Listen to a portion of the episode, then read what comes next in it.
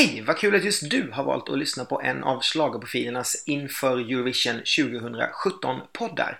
Innan vi drar igång denna podden så vill jag bara dra några av förutsättningarna. I varje podd så kommer en panel betygsätta årets bidrag med poängen 0 till 5 på varje bidrag.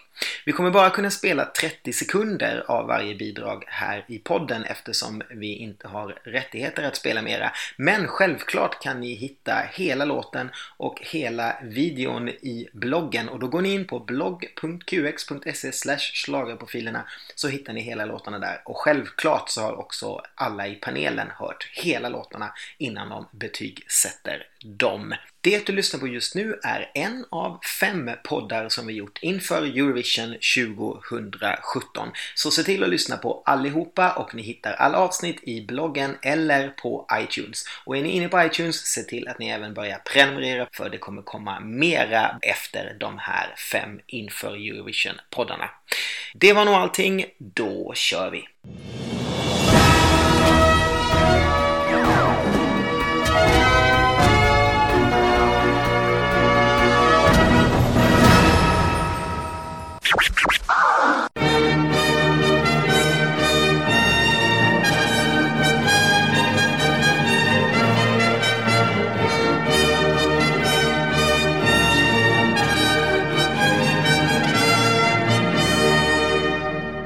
Hej och välkomna till podd nummer tre i vår podcastserie inför Eurovision 2017. Nu har vi lämnat semi 1 bakom oss och nu går vi in i en sprillans ny semi. Eh, och eftersom vi vet att förändring kan vara lite jobbigt så har vi någonting för er som inte är så förändringsbenägna. Jag heter Kenny Laursson och jag har behållit min slagerbrorsa Ronny i podden också. Hej Ronny! Hej hej, här sitter jag. Ja, vad tycker du om... eh, är du pepp inför semi 2? Jag är otroligt pepp. Nu vill jag lämna semi 1 bakom mig och gå vidare. det är underbart. Eh, och eh, det är inte bara det. Vi har såklart också fortfarande med oss Fnatte till vår knatt och chatte, den tredje pepparkaksgumman i vårt slagriga pepparkaksland. Det är en Hanna Fahl. Hej! Gud, det är alltid så oklart med dina presentationer. Fnatte, är det, är det den sämsta knatte, knattechatten? Jag har ingen aning. Jag vet inte heller, jag vet inte ens vilken färg han har på kepsen. Jag tänkte bara att, han var, att den, var i, den var i mitten. Jag står där mellan er, håller er sams, eh, curlar era humör och eh, dricker er Angelico. Jag tycker bara att det, jag tycker bara att det låter lite orimligt för Kenny är ju både knatte för att han är ju minst och han är ju också chatte för att han är så chattrig så att jag blir ingen.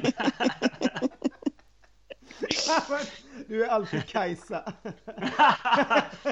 Med den äran. Med den äran.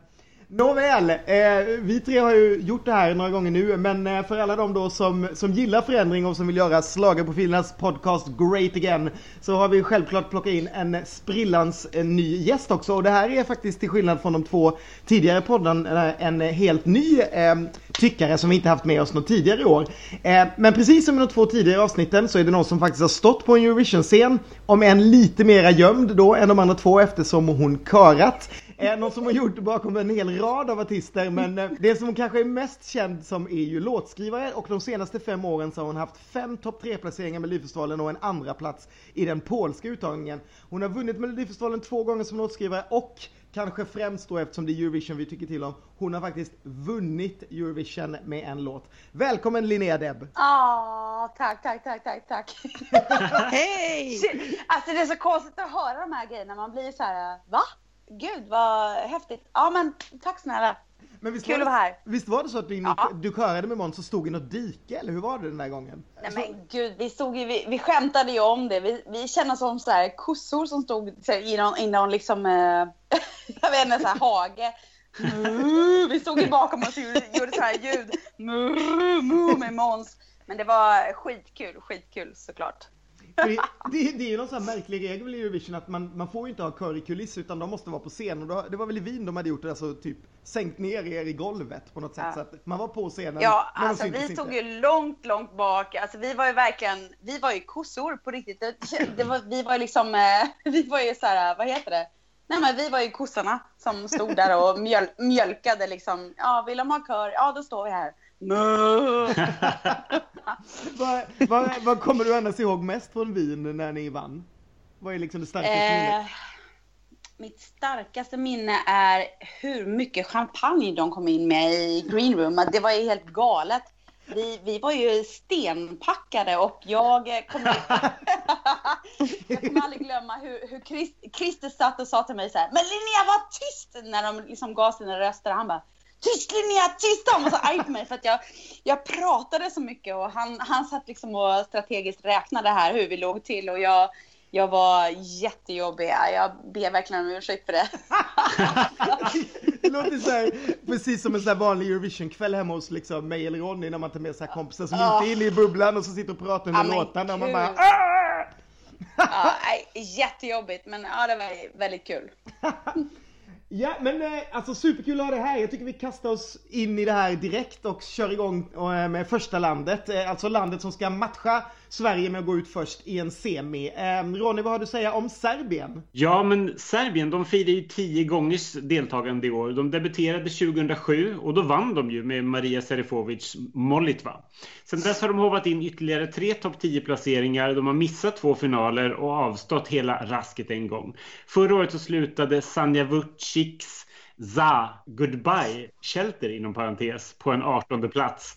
Ha, vad har de kokat ihop i år? Ja, vad de kokat ihop i år? Jo, de har valt eh, sin artist och sin låt helt internt på tv-bolaget i Serbien. Och eh, valet föll på den 35-åriga Tichana Bocecevic. Bland låtskrivarna till låten som heter Into Deep så hittar vi bland annat den svenska killen Joakim Persson som är ena halvan av procentduon Twin. Eh, som efter framgångarna med Polygenova i fjol ligger bakom bidrag både från Makedonien, Bulgarien och Serbien då. Och även Lisa Desmond som bland annat skrev Maltas bidrag i fjol samt Molly P.O.s melodifestivalbidrag. Tijana är en serbisk sångerska. Hon slog igenom stort i Serbien 2010 med låten Tradzim och hon försökte representera sitt land redan 2009 men föll bort i ett tidigt skede i uttagningstävlingen. Istället så skaffade hon sig Eurovision-erfarenhet genom att köra bakom Nina som sjöng Charoban för Serbien i Düsseldorf och nu slutligen får hon då åka själv. Det här är Serbien och Into Deep.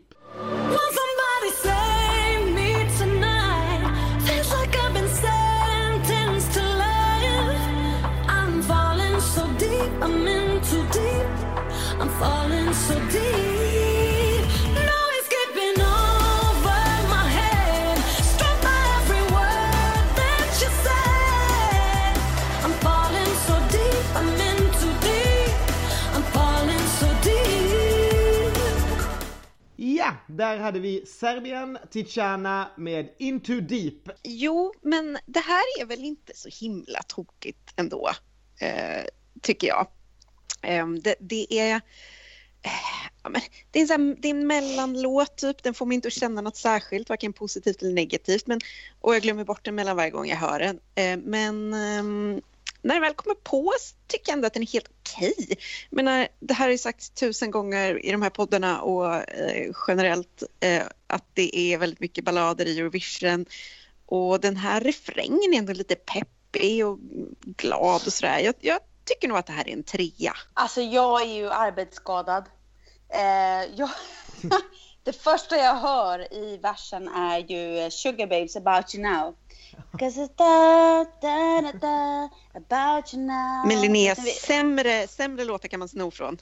Ja men det kan man verkligen, det är väldigt, väldigt bra. Men sen kommer refrängen också som är Katy Perry. Baby you're a firework. Japp, sämre låtar kan man sno av Linnea. Och sen har vi ett intro som jag också retar mig på som är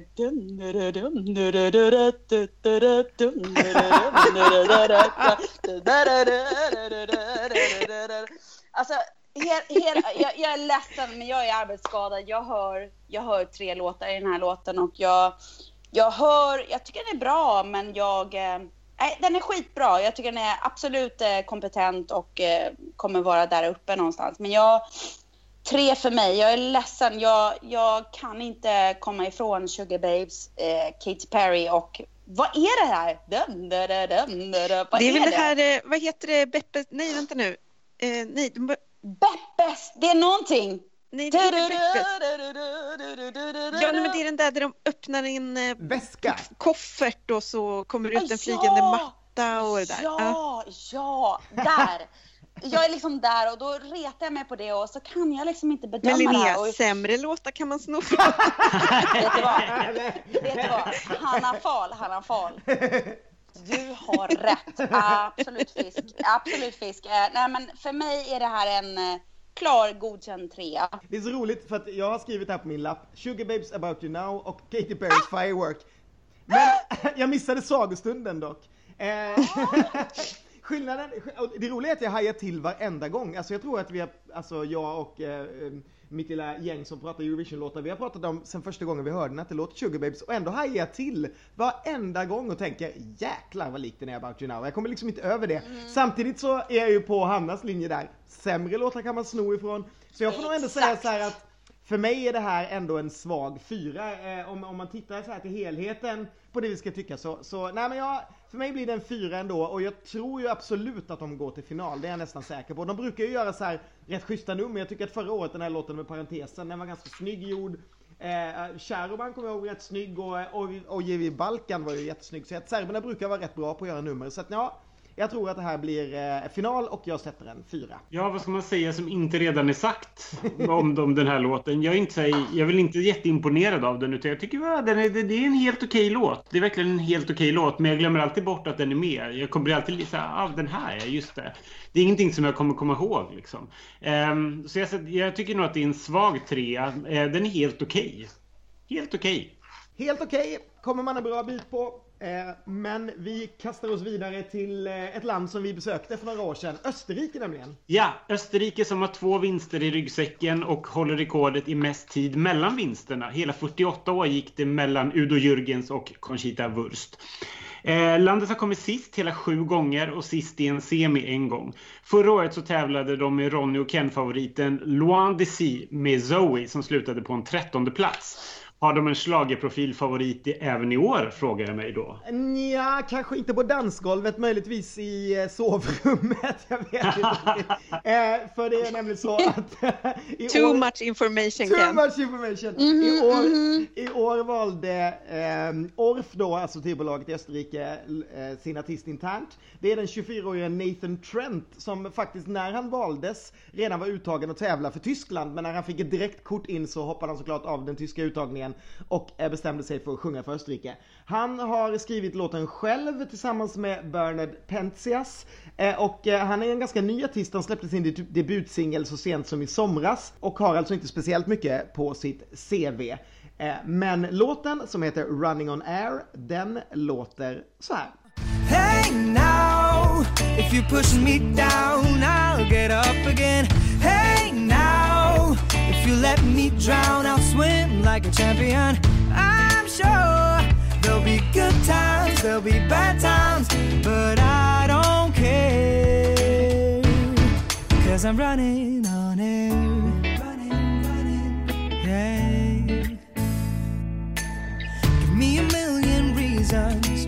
Jag, eh, jag tycker det här känns jättefräscht. Jag förstår precis vad de har gjort rent musikaliskt och låtskrivarmässigt. Men och han sjunger bra, han sjunger bra och så här, men jag får panik när han säger så här, eh, vad är det han säger i vers två? But I'm doing it my own damn way. För mig blir det så här, ah, och jag skrev ju det ändå, eh, I don't give a fuck eh, med Lisa Ajax, jag menar inte så, men, men så här, jag gör det min egna jävla väg. Man säger liksom inte så. Man säger inte jag har ont i mitt jävla hjärta. Man, man, man säger inte så. Jag stör mig lite på det. Jag tycker att eh, jag tycker det här är jättekompetent, jag tycker det känns fräscht, det känns Ed Sheeran, Justin Bieber, lite Maroon 5, men jag tycker att när refrängen kommer och de sjunger Hey Now, då känns det som att det är så här lite, jag vet inte, jag, jag, jag tappar lite, jag kan inte förklara vad det är, men någonting händer i mig som liksom, äh, lite så. Jag, jag, åh, jag tycker det är catchy, jag tycker det är bra, men jag tycker att det känns det känns inte Ed Sheeran eller Justin Bieber eller Maroon 5 som han har försökt göra. Så att för mig blir det en trea, tyvärr. Nej, det här tycker jag verkligen är tråkigt. Det är så fruktansvärt tråkigt. Jag betonar verkligen tråkigt. Det här, jag, jag förstår hela grejen. Det känns, det, absolut, det känns som de artisterna som, du, som Linnea nämnde. Men på ett mycket tristare sätt. Det är liksom ett så här albumspår som bara porlar förbi liksom. Det är extremt svårt att det här skulle utmärka sig någonting och jag är stensäker på att de missar eh, finalen. Eh, jag, sätter en, eh, jag sätter en etta på det för det här vill jag inte höra igen. Ja, nej, för fan. Jag är med Ronny här. Jag tycker det här är... Alltså det här, jag, hat, jag hatar det här faktiskt. Eh, och den här... Åh, oh, Åh, man bara känner att han kommer vara en sån här skön... Han är, han, han är så här skön, avslappnad kille. Han kommer eventuellt ha hatt på sig och typ ha lite så här... Ha lite så här slapp, Och skön sitta, och, stil. och så här, sitta i en bil med folk och bara så här, vad skön, eller hur? Ja, precis. Eller typ så här, ha, eller så kommer han ha typ sitta på en barstol och typ ha en gitarr Mm. med sig och vara lite så här. Åh, det är så irriterande. Åh. Ehm, jag eh, känner verkligen stor personlig aversion mot eh, den här låten, den här typen av musik och den här typen av kille. Ehm, jag undrar, alltså jag är inte stensäker på att han missar finalen. Jag, kan han inte vara lite så här Eurovisions Anton Hagman på något sätt? Eh, jag vet inte, att han är... Att, ah, jag, hopp, jag hoppas att han missar finalen. Jag sätter nog banne mig... Oh, det borde, egentligen borde det kanske vara en tvåa, men jag sätter också en etta. Ja, det, det, här är, jätte- det här är väldigt roligt. Jag, jag har en del av mig också som hatar det här något innerligt faktiskt. Det, det, det, det finns en del av mig som tycker att det är avskyvärt. Sen finns det också en del av mig som har skrivit Ed Sheeran här på pappret, precis som Linnea sa. Eh, jag, jag fattar ju absolut vad det är de vill och det är ju helrätt. Det finns ju ingen som är större än, än Ed Sheeran just nu. Så att dessutom så har jag sett honom live nu när han på några av de här festivalerna som han har åkt runt på. Han är ju extremt charmig killen liksom. Han är verkligen stensäker på scen. Han, eh, han är precis det du befarar Hanna, sådär extremt Har han charmig. hatt? Han har inte hatt, utan eh, det som jag kommer komma till är att det finns ju en låt till med kille med gitarr i den här tävlingen som vi ska prata om i eh, podd nummer fem. Och det där är mycket mera den personen som du beskriver för mig, så här check kille med hatt, lite skön så här. Den, den här snubben är lite skönare, eller känns inte riktigt lika dudig på det sättet, utan lite mera så här. nej men han, han känns lite, lite mera kul ändå, måste jag ge honom. Men, men sen är det ju då att den där, den där delen av mig som hatar den där musiken, den tar över på något sätt. Så jag, jag tror att jag kommer ändå bara ge det en tvåa också. Men till skillnad från Ronny så vill jag faktiskt ge en varning på det här, för jag tror absolut att det här går till final. Jag tror att folk, folk, kommer, höra precis, folk kommer höra precis det Linnea hör. De kommer höra Ed Sheeran och han är tillräckligt charmig för att det ska lyckas också. Det är liksom någon man, man kommer ihåg tror jag. Så att, eh, Men alltså vad är det för jävla värld vi lever i där Ed Sheeran är liksom popstjärna? Är Men- så tråkig! men det, det är en helt annan diskussion, den kan jag verkligen ställa upp på också. Jag, jag Hanna, med vi. Hanna, vi tar en vinkväll här om en vecka eller så. jag håller med om det, det är jättemycket. Men, men med, med, med det sagt så måste jag liksom, jag, jag tror verkligen att den, kan, att den faktiskt kan ta sig till final. Eh, så att en, en, liten, en liten flaggning för det. Sam, men samtidigt så går den ut som nummer två, det brukar ju inte vara ett bra tecken. Men, men jag flaggar för det, ger den en tvåa. Men det här är så tråkigt. Jag tycker bara att det är så tråkigt. Alltså Ed Sheeran, Ed Sheeran fattar jag helt. Jag tycker att han gör bra musik. Men jag tycker bara att det här är bara, det är tråkigt bara. Det är bara påla på liksom. Det finns ingen hit-feeling i det här överhuvudtaget. Nej. Det är en blek kopia. Ja, Det är det. En Det är det väldigt absolut. blek kopia. Men Men, jag- nåja. Jag tycker ändå att det, det är faktiskt, nu har vi inte, nu har vi bara in, kommit in i låt två här i första podden av andra semin, men jag tycker ändå att det är en ganska svag semi kan jag väl avslöja redan nu och jag tror att den kommer sticka ut där med tanke på vad som kommer senare. Så det är därför jag tror lite att, att, den, att den kommer gå bra.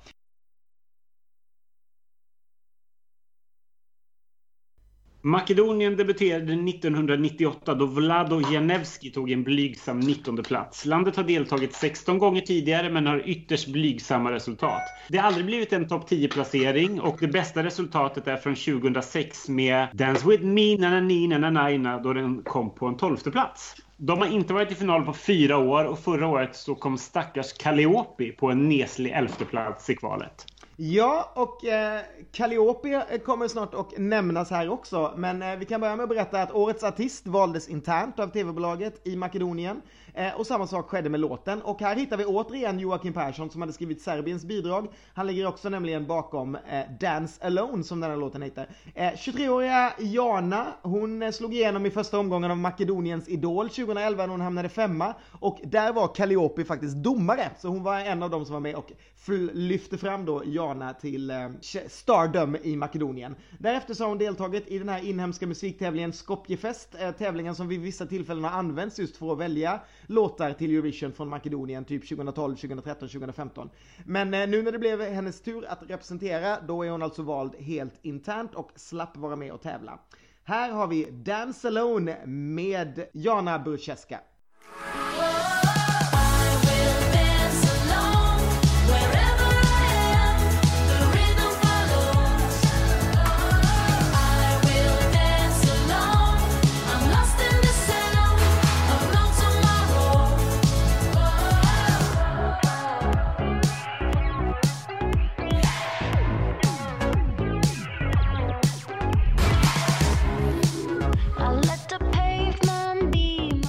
Ja, men den här tycker jag är jättebra. Jag tycker att den är, härlig och modern och den här är den som jag kommer ihåg mest av alla låtar när man har kört igenom dem tycker jag. Jag tycker att refrängen sitter vid första lyssningen. Och det är jättepositivt. Däremot så, är, så vet jag liksom inte hur det ska bemötas i Eurovision. Är det liksom en topp 5-placering? Är det en topp 10-placering?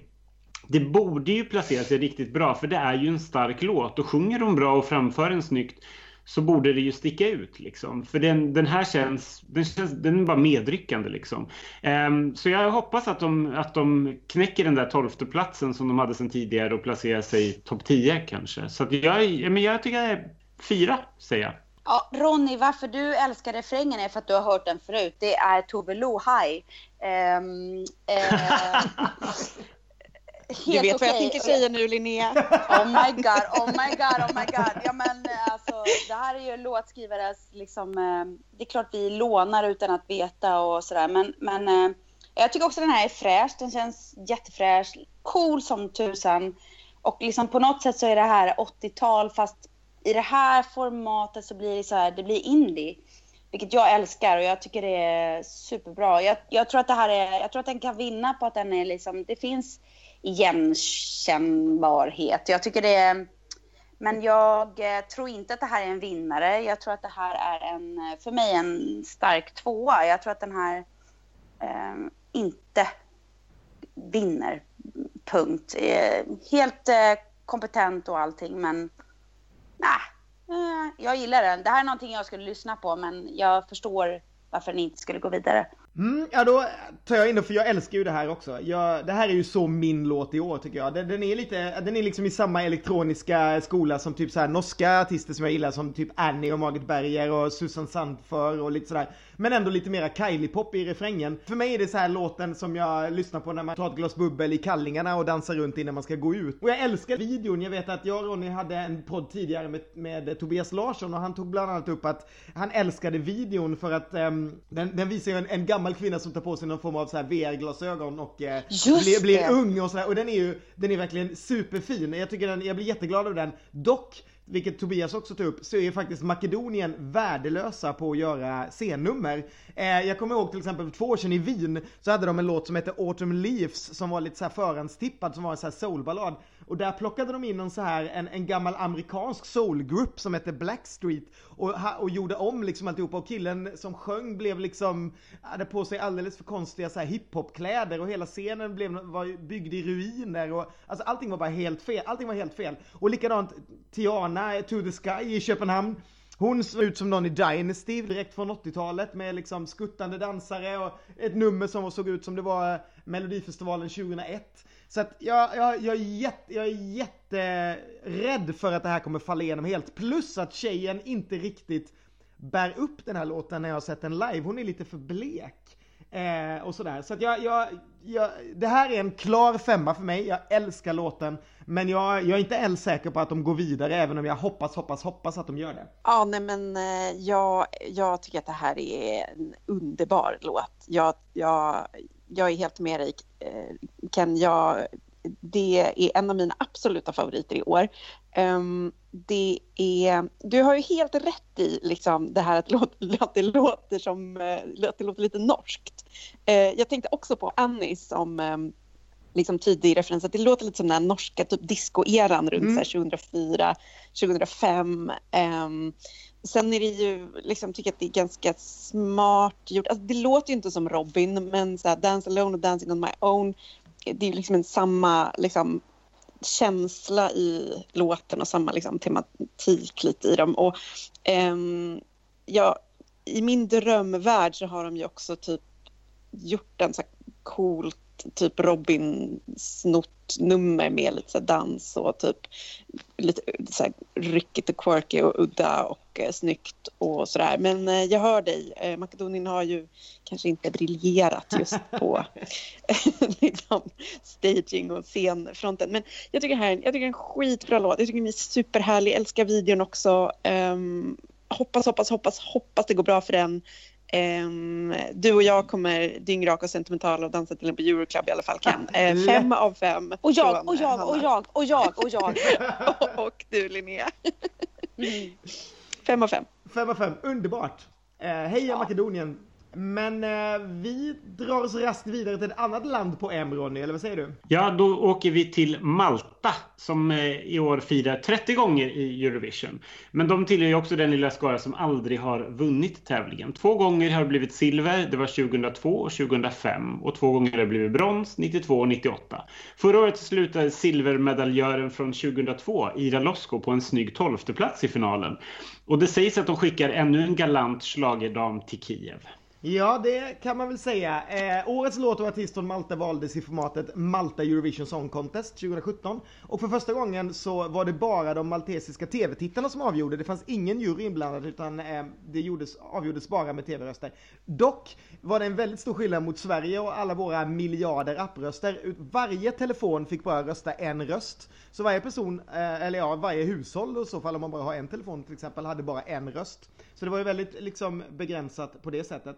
Två låtar föll den maltesiska publiken i smaken lite mer än de andra. Eh, ett bidrag som var på maltesiska men det drog då det kortare strået och vann gjorde då istället två av Maltas absoluta megaveteraner i tävlingen. Dels låtskrivaren Philip Vella som ställde upp med sitt 78 bidrag i Maltas melodifestival och vann för sjätte gången.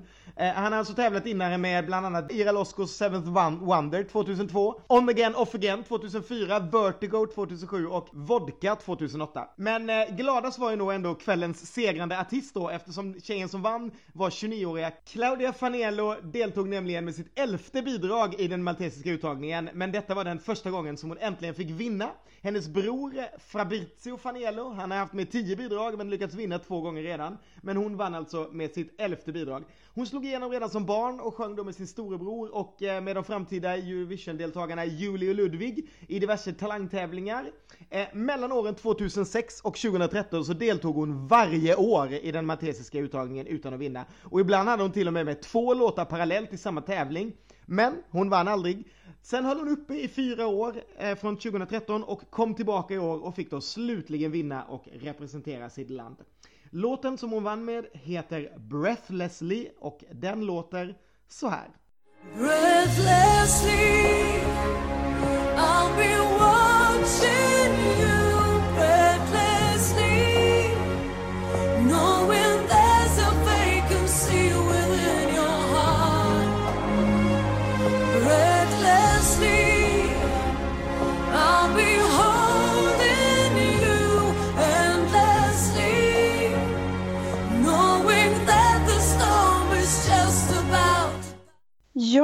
Ja, vad ska jag säga om det här? Alltså, det är ju en, det är ju en, en eh, det är ju en väldigt, väldigt tråkig låt. Det, det går ju inte att komma undan.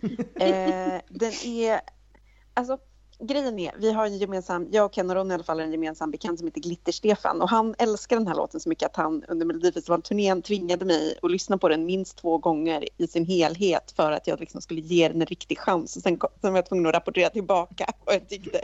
Och eh, då sa jag till honom att jag tyckte faktiskt inte att den var så fruktansvärd, för det är den inte. Den är väl, den är väl helt okej. Den är liksom så här riktigt, ja men det är ju en så här lite old school schlagerballad och den är väl liksom välsjungen och allt sånt där. Tråkigt producerad, ganska liksom blaskig och intetsägande. Men jag, säger, jag ger den väl två då, två. Ja, jag kan ta efter, jag, jag tycker att det, det är värre än så. Jag tycker att det här är typ Bonnie Tyler sjunger Meatloaf.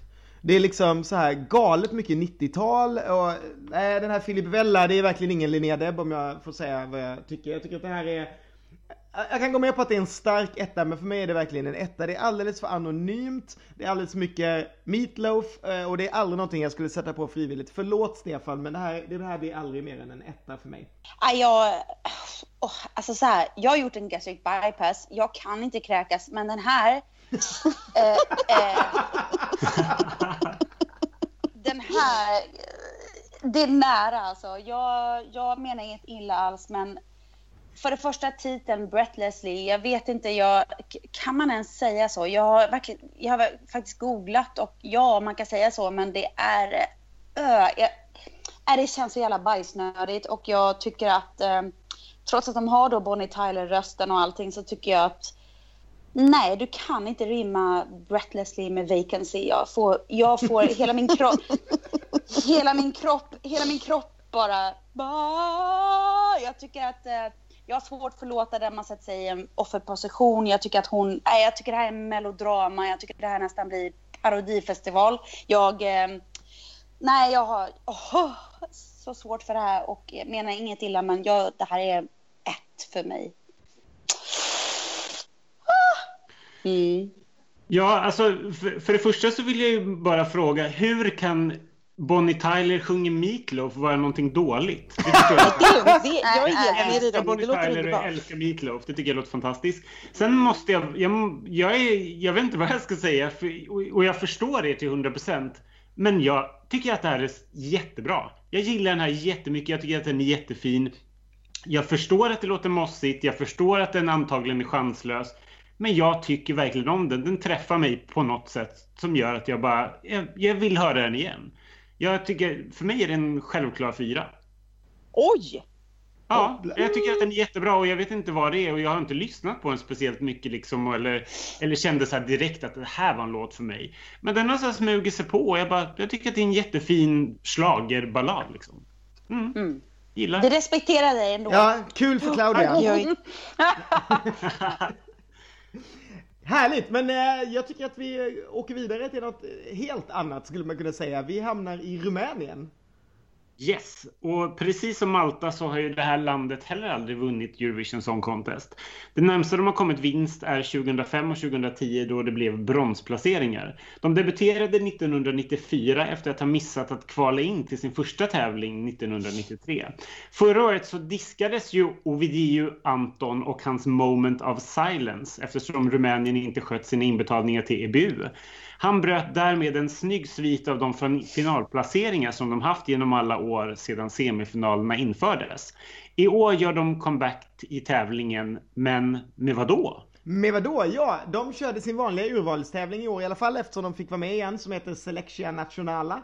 Eh, den funkar så här att först har, eh, kommer det in, det är lite roligt, eh, i det rumänska inskicket kom det alltså in 84 bidrag. Det hade gått lite fortare att sitta i den juryn Ronny. Eh, 84 bidrag kom in, 15 stycken valdes ut och de fick tävla i en semifinal veckan innan finalen. Eh, den här semifinalen gick på tv, men tv-tittarna hade ingenting att säga till om, utan istället var det en fempersoners jury med bland annat eh, Eurovision-deltagarna Luminita och eh, Paula und Ovi som var där. De satte poäng och skickade vidare 10 av de här 15 bidragen till finalen. I finalen sen så var det tvärtom, då fanns inte juryn med utan då var det bara tv-tittarna som hade hela makten.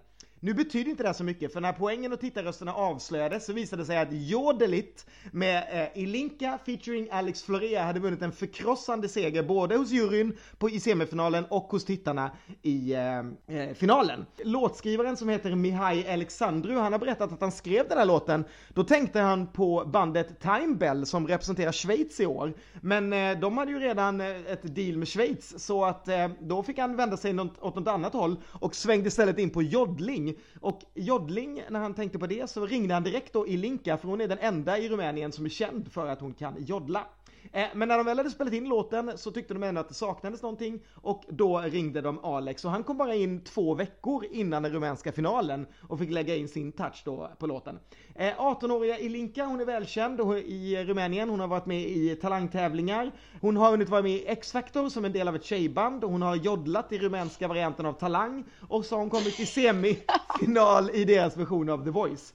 Eh, 25-åriga Alex Florea, han har också varit med i X-Factor i duo med sin bror. Han har också varit med i The Voice, fast inte samma år då som Ilinka. Och han har också en liten, liten Eurovision-koppling eftersom det faktiskt var Mihai Traistario, han som gjorde Tony Rå, som eh, pushade och hjälpte honom att komma in på musikskolan när han bara var 16 år gammal. Så man kan säga att han har ett litet finger med i spelet här också. Nåväl, nu ska vi joddla. Här är Jodelit.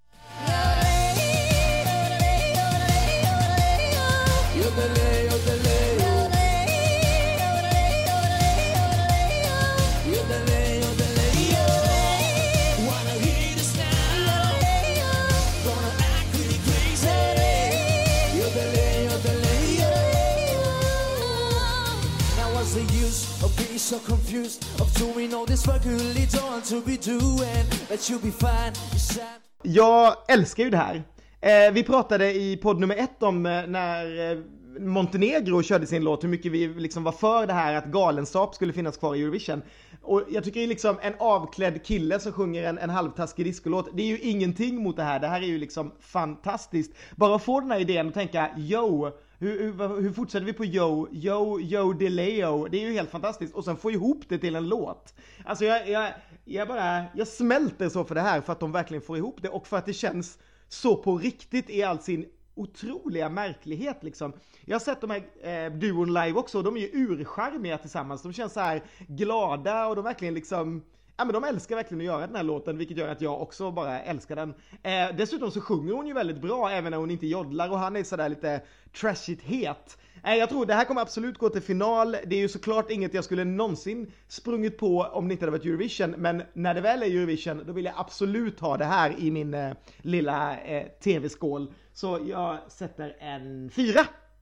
Ja, jag kan ju bara instämma. Jag tycker det här är helt underbart. Jag, eh, alltså, den är så knasig. Alltså, mina favoritgrejer är eh, när han liksom, den här, den här killen då, den här 25-åriga killen med så här, någon sorts manbun som, som ska rappa, eh, kör raden yodelay, yodelay, yo.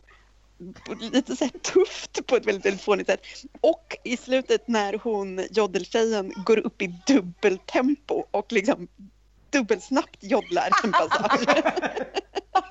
det är typ som, ja, men det är så här som ett Yngwie Malmsteen gitarrsolo eller någonting när han liksom ska Ja, ja. börja maxa. Jag tycker att det här är underbart, underbart, underbart. Stark fyra från mig. Alltså herregud. Ja, Jag är ledsen, jag är totalt helt tvärtom ifrån er. Jag älskar er och allt men alltså nej, det här. Jag känner så här äh, att ge sig på liksom en flowrider-grej och inte ha språket eller uttalet då, åh, jag, jag, jag får återigen får jag så här rysningar och tycker att det här är liksom, jag förstår grejen. Hon, hon är ju den som håller upp hela låten för mig. Jag tycker att hon är jätteduktig på att joddla och det är kul. Jag förstår grejen att det är kul men jag... Uh, oh, nej, alltså nej, ja, nej, det här känns som... Ni vet den här videon som var så här business. Jag kommer inte ihåg vad den är, men det finns en video när de liksom rappar och nämner rappare i USA från Östeuropa någonstans när alla så här business. What's it good for war? Eller något, det, det är någonting, jag får någon sån här parodigrej över det här som jag tycker liksom är Nej, jag, åh, nu har jag pratat så länge. Men nej, det här får inte ens ett av mig. Jag är ledsen. Ja, nej, det här blir fan noll. Alltså jag är ledsen. Jag tycker det är jättekul idé. Jag älskar ju joddling och jag tycker det är kul. Men jag, ja, det känns pretentiöst när han ska liksom gå in och så här yo. Och texten är så tafflig och dålig och han kan inte uttala. Nej, jag får panik. Nej, nej, noll. Hur, Noll! Nu, nu börjar vadslagningen om hur många gin och tonics vi behöver köpa till Linnea för att hon ska stå och joddla med på något annat. Tio, tio Hanna, tio. Nej, men jag, jag tycker ju också om det här. Jag tycker, jag, jag tycker att det är en härlig... Eh, det är precis det här Eurovision handlar om. Liksom. Det är, så, det är så här, såna här låtar måste vara med för att höja tempot i det här saggiga midtempo balladträsket som vi har hamnat i de senaste åren. Jag tycker bara att det är så befriande att det här kommer. Och det här tycker jag är så här härligt svennebananigt. Liksom. Det här är vad folk kommer tycka om när de har druckit några vin framför tvn och bara utbrista fan det här var ju härligt liksom.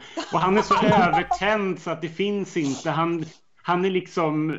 Tiver inte gång hundra. när, när hon är i sin, all sin glans. Liksom. Så att jag, eh, nej men jag, jag tycker att det är kul också. Det är kul och bra och ja, så här ska det vara. Fyra. Alltså det roliga är ju, jag tänker på när jag den låten, det är så här, man kan ju inte bli ledsen av joddling. Alltså jag, när, jag, när jag dör någon gång så borde ju folk joddla på min begravning. Då blir man, man blir så lycklig av det. Det är ju underbart. Jag bara, det, det går ju inte att bli ledsen när hon sätter igång och joddlar. Man, alltså om man så, var man en fniss, alltså man blir ju bara lycklig tycker jag. Nej, det här, jag tycker att det borde vara mer sånt här i mello, sån här knas. Mera knas säger jag. Inte Ken- bara knas, Ken- men mer knas. Jag kommer på din begravning, okej? Jag kan joddla. Det är underbart! Men kan du gå upp i dubbeltempot Linnea? jag, ska, jag ska börja öva nu. Jag lovar. Ehm, sen måste jag säga att rumänerna är- brukar ju vara svinbra också på att göra nummer. Så jag hoppas verkligen, alltså allvarligt, vi glömmer ju aldrig Ovis runda piano. Jag hoppas verkligen att de behåller liksom galenskapen som de har vanligen i det här liksom. Det, det här, jag, jag har sådana förhoppningar på det här. Jag längtar efter de här repetitionerna. Men nu lämnar vi Rumänien bakom oss och åker vidare till Nederländerna. Nederländerna som efter många år av missade finalplaceringar äntligen lyckades ta sig till final när Anouk tog sin Birds dit i eh, Malmö 2013.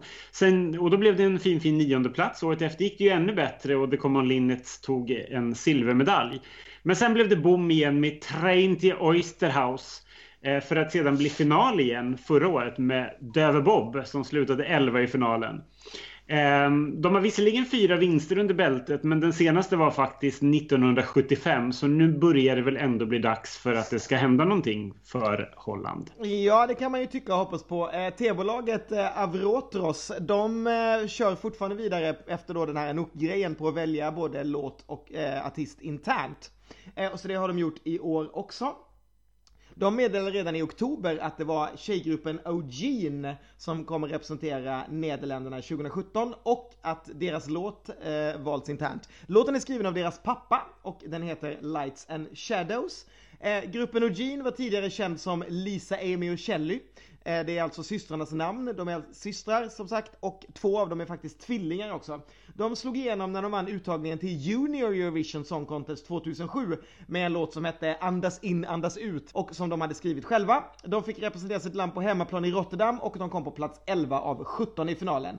Efter två album stod de en kort paus men sen var de tillbaka och då kallade de sig alltså för O'Gene i holländska The Voice 2014 och då blev de faktiskt den första gruppen någonsin som har vunnit The Voice i något land land. Eh, det brukar ju alltid vara soloartist annars men de är den första gruppen som har vunnit. 2016 deltog de i ännu en tävling eh, i Nederländerna men nu har de alltså valts ut internt för att få representera sitt land i Eurovision. Här är O'Gene och Lights and Shadows. You should never cry no more. Feeling all alone and insecure. You have been going 30 stages. Now it's time to turn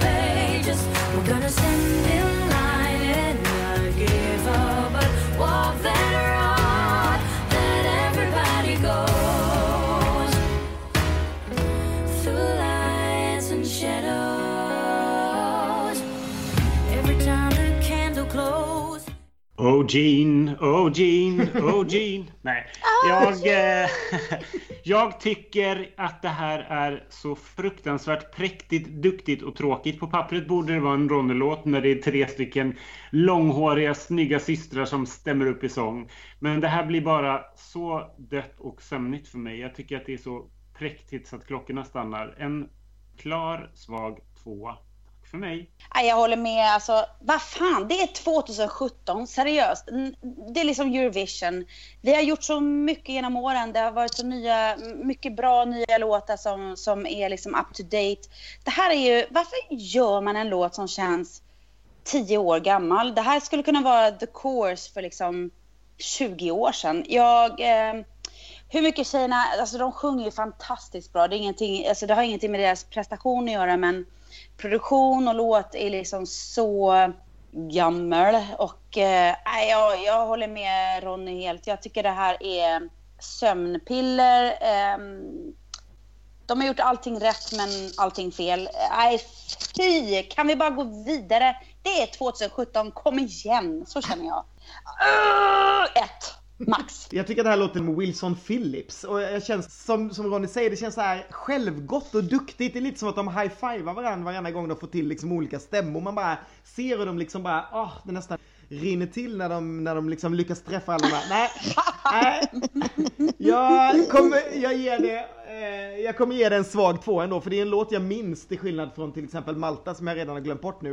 Eh, men jag tror faktiskt inte att de går till final i år heller, Nederländerna. Nej, jag kan ju bara, jag kan inte göra något annat än att instämma. Det här är så fruktansvärt. Just den här, ja, men, ja, åh, den här otroligt vedervärdigt självgoda stämsången som bara Åh, man riktigt hör hur de liksom, de står och så här, håller sig med, så här för ena örat, lutar lite på huvudet framför en mikrofon och bara åh, njuter så mycket av sina fucking terser eller vad det är de sjunger.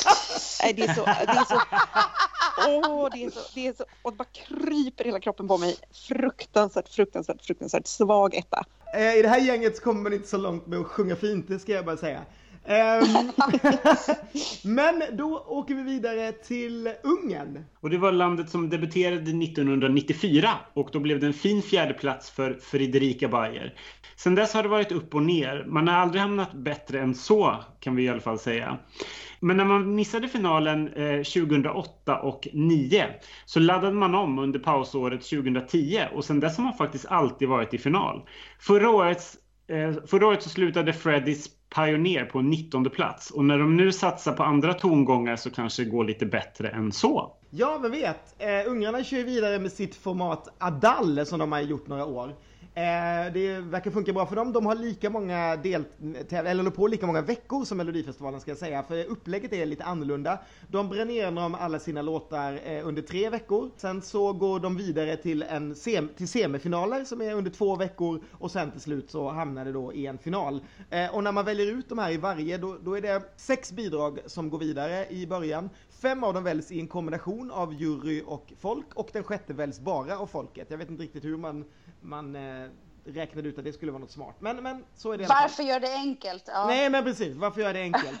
Till slut i alla fall så hamnar det åtta låtar i final och där röstar fyra jurymedlemmar och tar vidare fyra låtar till en superfinal och sen i superfinalen så röstar bara tv-tittarna. Ja, ni hör ju själva, det, det, det är inte helt lätt när man inte har det framför sig på papper.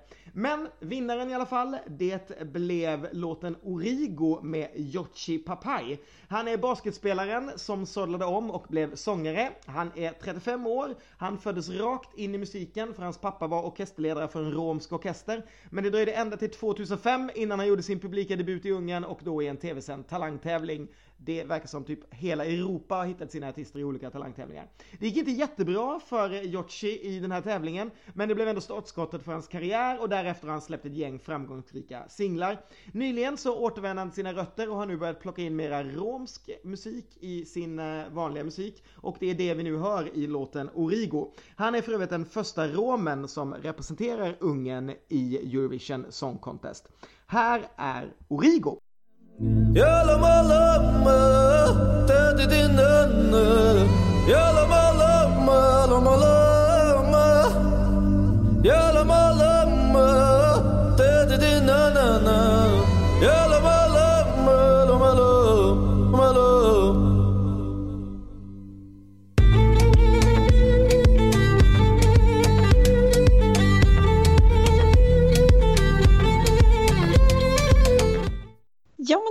är lite av eh, ändå en guilty pleasure för mig i år eh, på något sätt. Jag tycker inte det här är så tokigt. Eh, jag gillar de här eh, fiolslingorna eh, och eh, alltså, jag tycker till och med att det funkar med den här lite taffliga rappen som han kör för att de där, liksom, melodislingorna är så ändå ganska snygga och roliga och det känns, um, sticker ut, känns lite, jag gillar att låten har en ganska så här vemodig känsla trots att det inte är en ballad. Det är en rak och rimlig trea från mig. Ja, alltså, oh, det här är guilty pleasure för mig också. Jag älskar det här. Jag tycker att det här är det mest är, är, eh, intressantaste av, hittills av låtarna vi har hört. Jag, ehm, det här är liksom nano kan man jämföra med, fast det är originellt. Jag, eh, däremot så måste jag säga så här att åh gud, jag är så villig att göra vad som helst tills rappen kommer och då tycker jag att nej. Jag, jag blir så besviken för att jag, om, om vi jämför med liksom Max Martin och Katy Perry som har Snoop Dogg eller som har liksom rappare i sina låtar så har man en låt som bygger upp och bär upp liksom efter en rap. Men jag tycker att tyvärr efter rappen så äh, det bär inte upp. Men jag, äh, jag, Ja, jag, jag måste säga att jag älskar det här. Det här är någonting som jag skulle lyssna på med några tända ljus och ett glas vin en, en sommarkväll. Jag, jag, för mig är det här nästan bästa jag, av de här låtarna. Jag, jag, fyra plus eller fem, alltså jag kan inte riktigt... Får jag sätta en femma utan att vara... Ja! Ja. Absolut!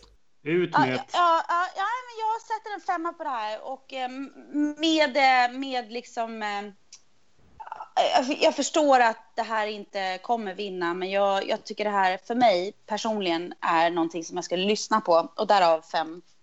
Ja, jag tycker det här är skitbra. Men jag kan plocka över den bollen då, för jag älskar det här också. Jag blir väldigt berörd av det här, eh, fast jag inte har en aning om vad han sjunger. Det kanske är det. Det, det brukar vara så att de låtarna som är på språk jag inte förstår, de berör mig mest, för jag kan på något sätt tolka in mina egna grejer. Jag får lite samma känsla som jag får när Jon Henrik jojkar. Det är så att jag inte riktigt förstår någonting, orden, men det blir en känsla som jag, som jag gillar. Eh, jag gillar precis som Hanna säger, de här instrumentala etnopartierna, och jag hoppas de gör någonting jättesnyggt av det på scenen. Ehm, det enda jag kan liksom anmärka på är att jag försökte kolla hur det skulle vara live och han sjunger jättebra, det funkar, men det är någon sorts ekoeffekt lite så här i, i, eh, i, i del. Och den sjunger han ju själv och det blir lite konstigt, alltså det, han sjunger liksom ekot, vilket jag tycker blir lite konstigt live. Men, men Det eh, var så tråkigt live tycker jag. Det, det jag såg liksom ifrån deras, deras tävling live var ju bara dötråkigt. Ja, det, det är lite så här, han, han sjunger bra, jag hoppas de bygger någonting annat runt honom eh, liksom där. Men däremot så tror jag att jag tror att det här kommer gå bra. Eh, Jag tror att det här kommer gå bra, jag tror att det kommer komma till final och eh, faktiskt, jag, jag tror att de har chans på topp 10 för det sticker ut eh, om, om de gör det lite, lite roligare på scen. Så jag ger en eh, stark fyra till det här. Yes! Ja, nej, men jag, jag tror också att det här kan, jag tror att det här kan funka. Jag var inte så imponerad första gången jag hörde den när de hade tagit ut den. Då tänkte jag så här, ah, det var någon så här etnoskval. Men sen har, den, sen har den vuxit för mig när jag, har, när jag har hört den flera gånger. Jag håller helt med Linnea om rappen, att det tycker jag sänker väldigt, väldigt mycket tyvärr. För jag tycker att resten av låten är rätt härlig. Um, kul tycker jag för att det, lite det här med Jon Henrik-grejen också som du nämnde att jag tycker att det är skönt att, att man, någon håller fast vid någon slags, någon slags etnospår liksom eh, som mer och mer verkar försvinna i Eurovision. Eh, det här liksom ger ju hela tävlingen en helt egen karaktär. Så eh, jag, sätter, jag tycker att det är en stark trea och jag eh, tror framtiden ser ljus ut för, för Ungern även i år. Ja, nej men Ungern är ju verkligen ett av de där up and coming länderna som, som vi undrar en seger någon gång snart innan de blir alldeles för eh, högervridna i det där landet. Eh, så jag hoppas att, eh, kanske inte kommer i år, men de är på god väg tycker jag. Det, det är härligt här. Vad kul att ni gillade den allihopa, vad glad jag blir. Men nu ska vi komma lite närmare hemmet. Nu ska vi till ett av de nordiska länderna Ronny. Japp, och nu vill jag egentligen bara ägna min tid åt att nynna in a moment like this. Danmark debuterade 1957 med en fin bronsplats för låten Skibet ska segla i natt, som betyder skeppet ska segla i natt. Sedan dess har man vunnit tävlingen tre gånger, två av dem i Sverige.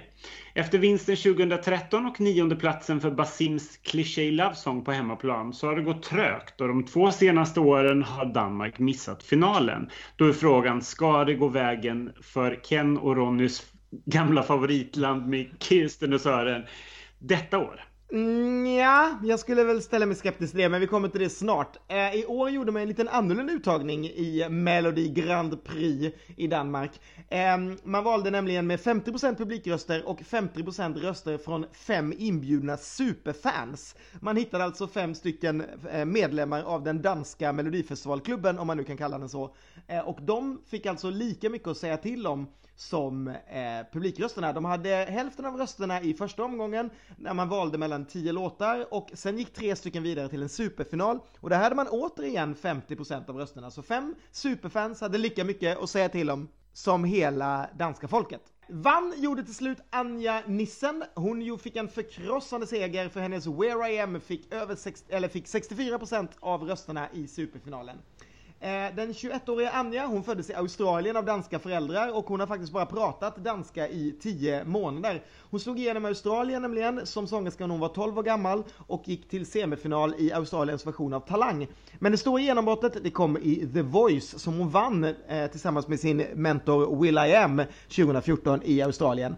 Sen bestämde hon sig för att Australien var för litet för henne och åkte till Danmark och ställde för första gången upp i deras Melodi Grand Prix 2016 med en låt skriven av Emily de Forest. Hon hamnade dock bara på andra plats bakom Lighthouse X, men nu när hon ställde upp för andra året i rad, då tog danskarna och de fem superfansen Anja till sitt hjärta och här har ni Where I Am.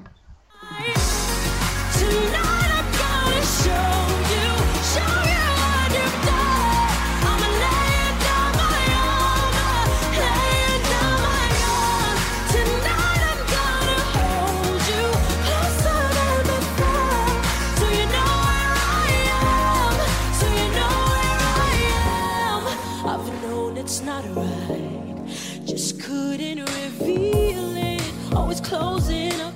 Danmark, Anja Nissen, Where I Am. Alltså jag tycker det här är skitbra. Det här skulle kunna vara så här en eh, Selena Gomez-låt. Ehm, Kanske är daterad men ändå. Eh, jag tycker den är jättebra. Eh, det här är liksom, vi som är låtskrivare, det här är vårt dilemma lite att det är svårt att göra en låt som, hur, ska, hur ska jag säga det här? Det är svårt att göra en låt som, i, i melloformatet som, som eh, som går igenom på det sättet. Jag, jag, nu måste jag få jämföra lite. Lisa Ajax, vi har haft låtar till henne som har varit såna här um, lite amerikanska eller vad ska vi säga, lite uh, inte, inte så men, men eh, alltså att det är svårt att sticka ut med en sån här låt och det är tror jag lite problemet med den här låten. Jag älskar den här, jag tycker den här är för mig en fyra plus.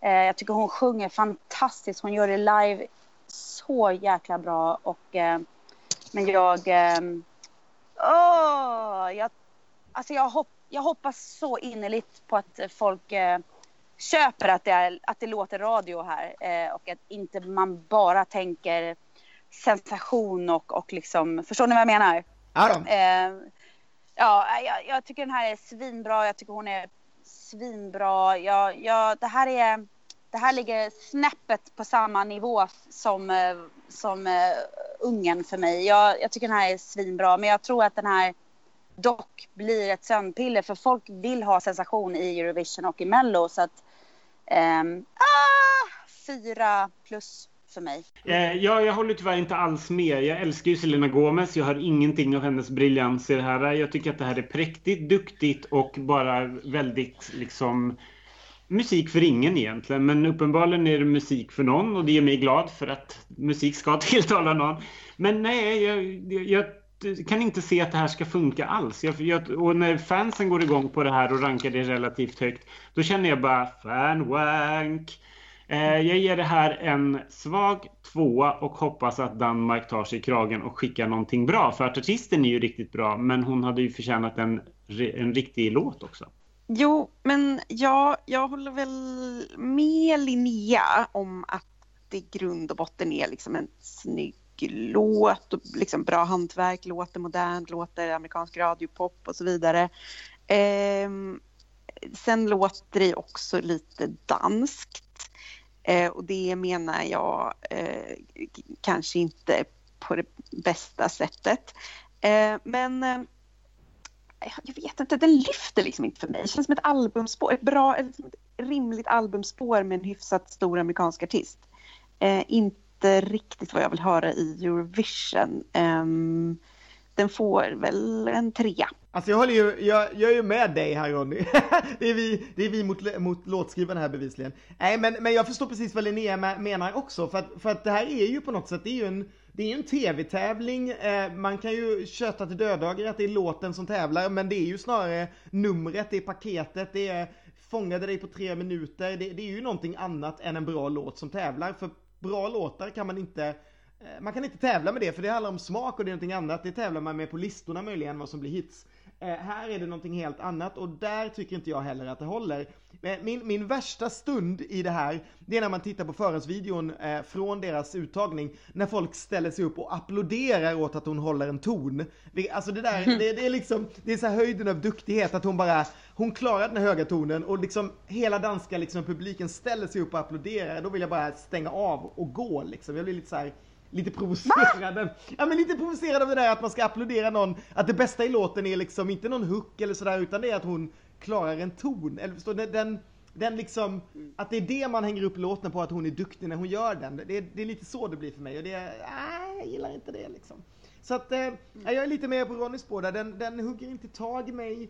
Jag, eh, jag förstår faktiskt också att det säkert är ett jättebra hantverk eh, låtmässigt så, men nej, och jag, jag gillar inte den typen av av tjej heller som hon är, lite så här duktig, duktig på att sjunga tjej. Det är så här typisk The Voice-artist liksom, som man, man förstår är bra när man har ryggen emot henne på något sätt. Så, eh, hon är ju söt, det är inte det, men det är liksom den typen av så här röstgrej. Nej, det här funkar inte alls. Jag, jag tror faktiskt inte att Danmark kommer ta sig till final i år heller. De ligger precis i, de ligger precis i mitten med den här smeten och de kommer eh, inklämda mellan Ungern och Irland som vi ska höra om en stund. Nej, jag är ledsen alltså. Jag tror inte att det kommer funka i år heller. Det blir en, en tvåa från mig också faktiskt, tyvärr.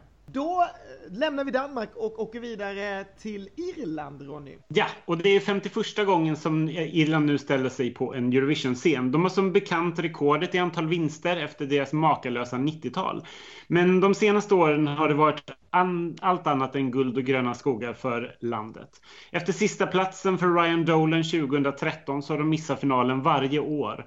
Och förra årets Sunlight med Nicky Byrne kom på en 15 plats i kvalet. Så nu hoppas väl vi att det kanske ska vända för landet. Ja, jag vet inte om vi hoppas på det. Eller Irland har ju någon sorts liksom eh, tendens att blicka bakåt hela tiden och eh, i år gjorde man så att man ringde upp Louis Walsh, alltså killen bakom eh, Jedward och Westlife bland annat. Han fick välja ut både låt och artist alldeles själv och han valde då Brendan Murray som var en eh, medlem i ett numera nedlagt pojkband som Louis hade satt ihop alldeles ensam. Eh, han var manager för detta band och det hette Hometown. Eh, där var alltså Brendan Murray sångare, bandet hade två ettor på irländska topplistan mellan typ 2014 och 2016 men eh, det splittrades då förra året. Låten fick eh, Louis tag hos sin gamla leverantör Jörgen Elofsson som ju skrev ganska många hits till eh, Louis Wards största succé Westlife. Och nu letade han långt ner i sin byrålåda och hittade balladen Dying to Try. Så här låter den.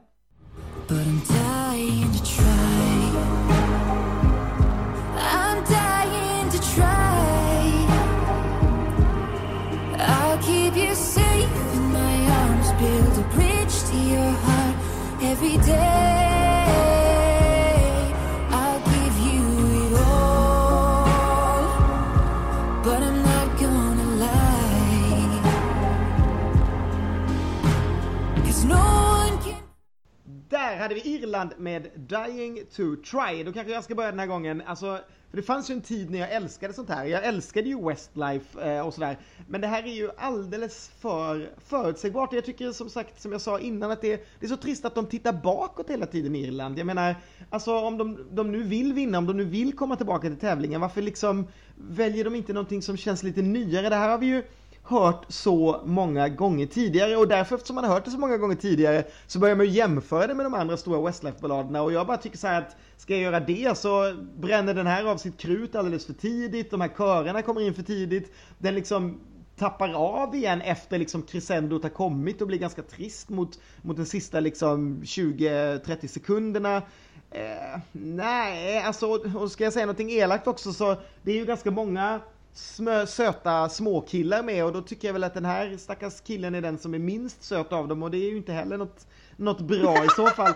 Nej, jag tror att det här kommer straffa sig. Jag tror inte att folk gillar Irland längre. Det är liksom ett land som var svinhett på 90-talet men att liksom tycka om Irland nu, det känns liksom ungefär som att, jag vet inte, som att ah, gilla bakmaskiner. Nej, jag tycker att eh, det här är en, en trea rätt och slätt. En, en rak trea. Jag skulle kunna halka vidare, skulle inte bli förvånad om det hamnar utanför. Hmm. Alltså det här checkar väl egentligen ganska många boxar med liksom vad jag gillar. Eh, och eh, första gången jag hörde den här låten så tyckte jag att den var svinbra och tänkte så här, det här är en låt som kommer liksom att växa på mig och som jag kommer att eh, som kommer att bli en av mina favoriter. Men det har faktiskt varit lite tvärtom. Jag har, den har liksom snarare tappat för mig eh, för varje gång jag har hört den. Um, jag vet inte riktigt varför eller vad det är med den som gör det. Uh, jag, uh, jag får nog... Jag, den här är jättesvår att sätta betyg på för mig, men jag, jag tre, t, svag trea. Nej, stark trea. Trea. Ja, jag kommer ut ur garderoben och säger att I love this. Det här är min tredje... Det är en av tre låtar som jag lyssnar på av Eurovision-låtarna. De andra två är, tänker jag inte nämna än för att då kanske jag avslöjar vad jag tycker är bra i år. Men jag tycker att den här är jättebra och första gången jag hörde den så var jag bara så här, ah, I love this. Det här är, det här är liksom boyband realness och den här höjningen, det kanske är den snyggaste och bästa höjningen som har synts i Eurovision och har hörts i Eurovision på flera år. Jag älskar det här. Sen hör jag också att det är gammalt och lite så här och jag uppskattar icke att man lägger in en värdering. Att det har grävts i byrålådan när man läser om eh, presenterar Irland. Nej, det här är, tycker jag är jättebra. Däremot är jag inte alls säker på att det kommer funka och jag delar absolut din eh, Kens uppfattning om att man kanske inte är så pigg på att rösta på Irland och att det känns lite mossa. Men eh, det här är väl vad man kallar ett guilty pleasure kanske och jag tycker att det är superhärligt. Jag ger det här en femma. Ja, äh, jag älskar ju verserna, jag älskar hans röst. Jag tycker att det är, jag har ju en verkligen, alltså jag har en liten förkärlek för eh, pojkar eller män som låter som pojkar. det låter ju jättekonstigt. Men jag, jag, är, jag älskar det här. Eh, jag, jag, tycker det här är superbra. Jag tycker det är bra text, enkelt.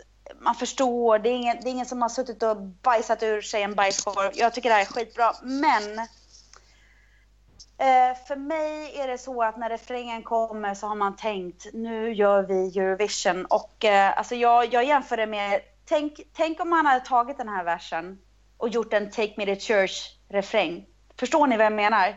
Mm. Alltså att du hade gjort någonting som hade känts och som hade varit skitigt och liksom i tiden. Men jag tycker tyvärr att de, nej, de tog någon genväg och tänkte så här, ah, vi gör någonting som är så här, vi gör någonting som är slager och Eurovision. Jag, och jag tycker det är så sorgligt för att eh, jag tycker att det här, alltså jag tänker så här, och hade man gett eh, det 50% mer kärlek så tror jag att den här hade kunnat nästan vinna. Alltså den är så jävla bra och jag tycker hans röst är bra. Men fan, eh, måste man...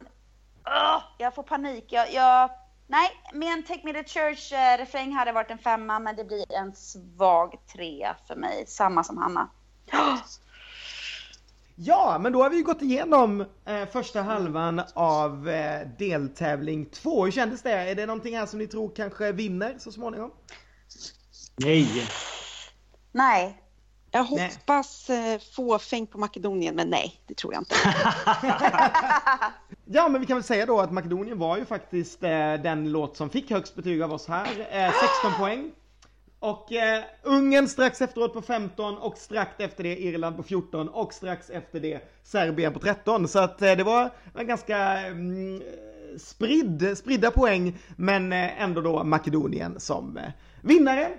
Kul! Ja, Det, det, kändes som en jätte, det kändes också som en rätt logisk grej med tanke på att början här inte är så jättestark liksom. nu har vi, nu har vi folk... Nu har vi den femte schlagerprofilen Folke i bakgrunden som, eh, som hänger lite. Men det har varit jättehärligt att ha med er allihopa måste jag säga.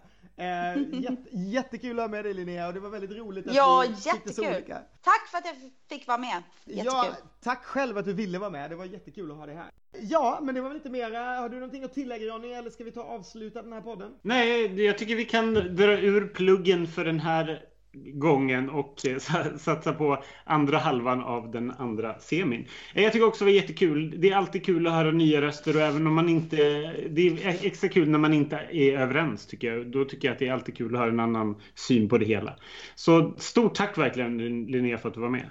Mm, tack så mycket. Tack så mycket. Hej då! hej, hej! Hej då!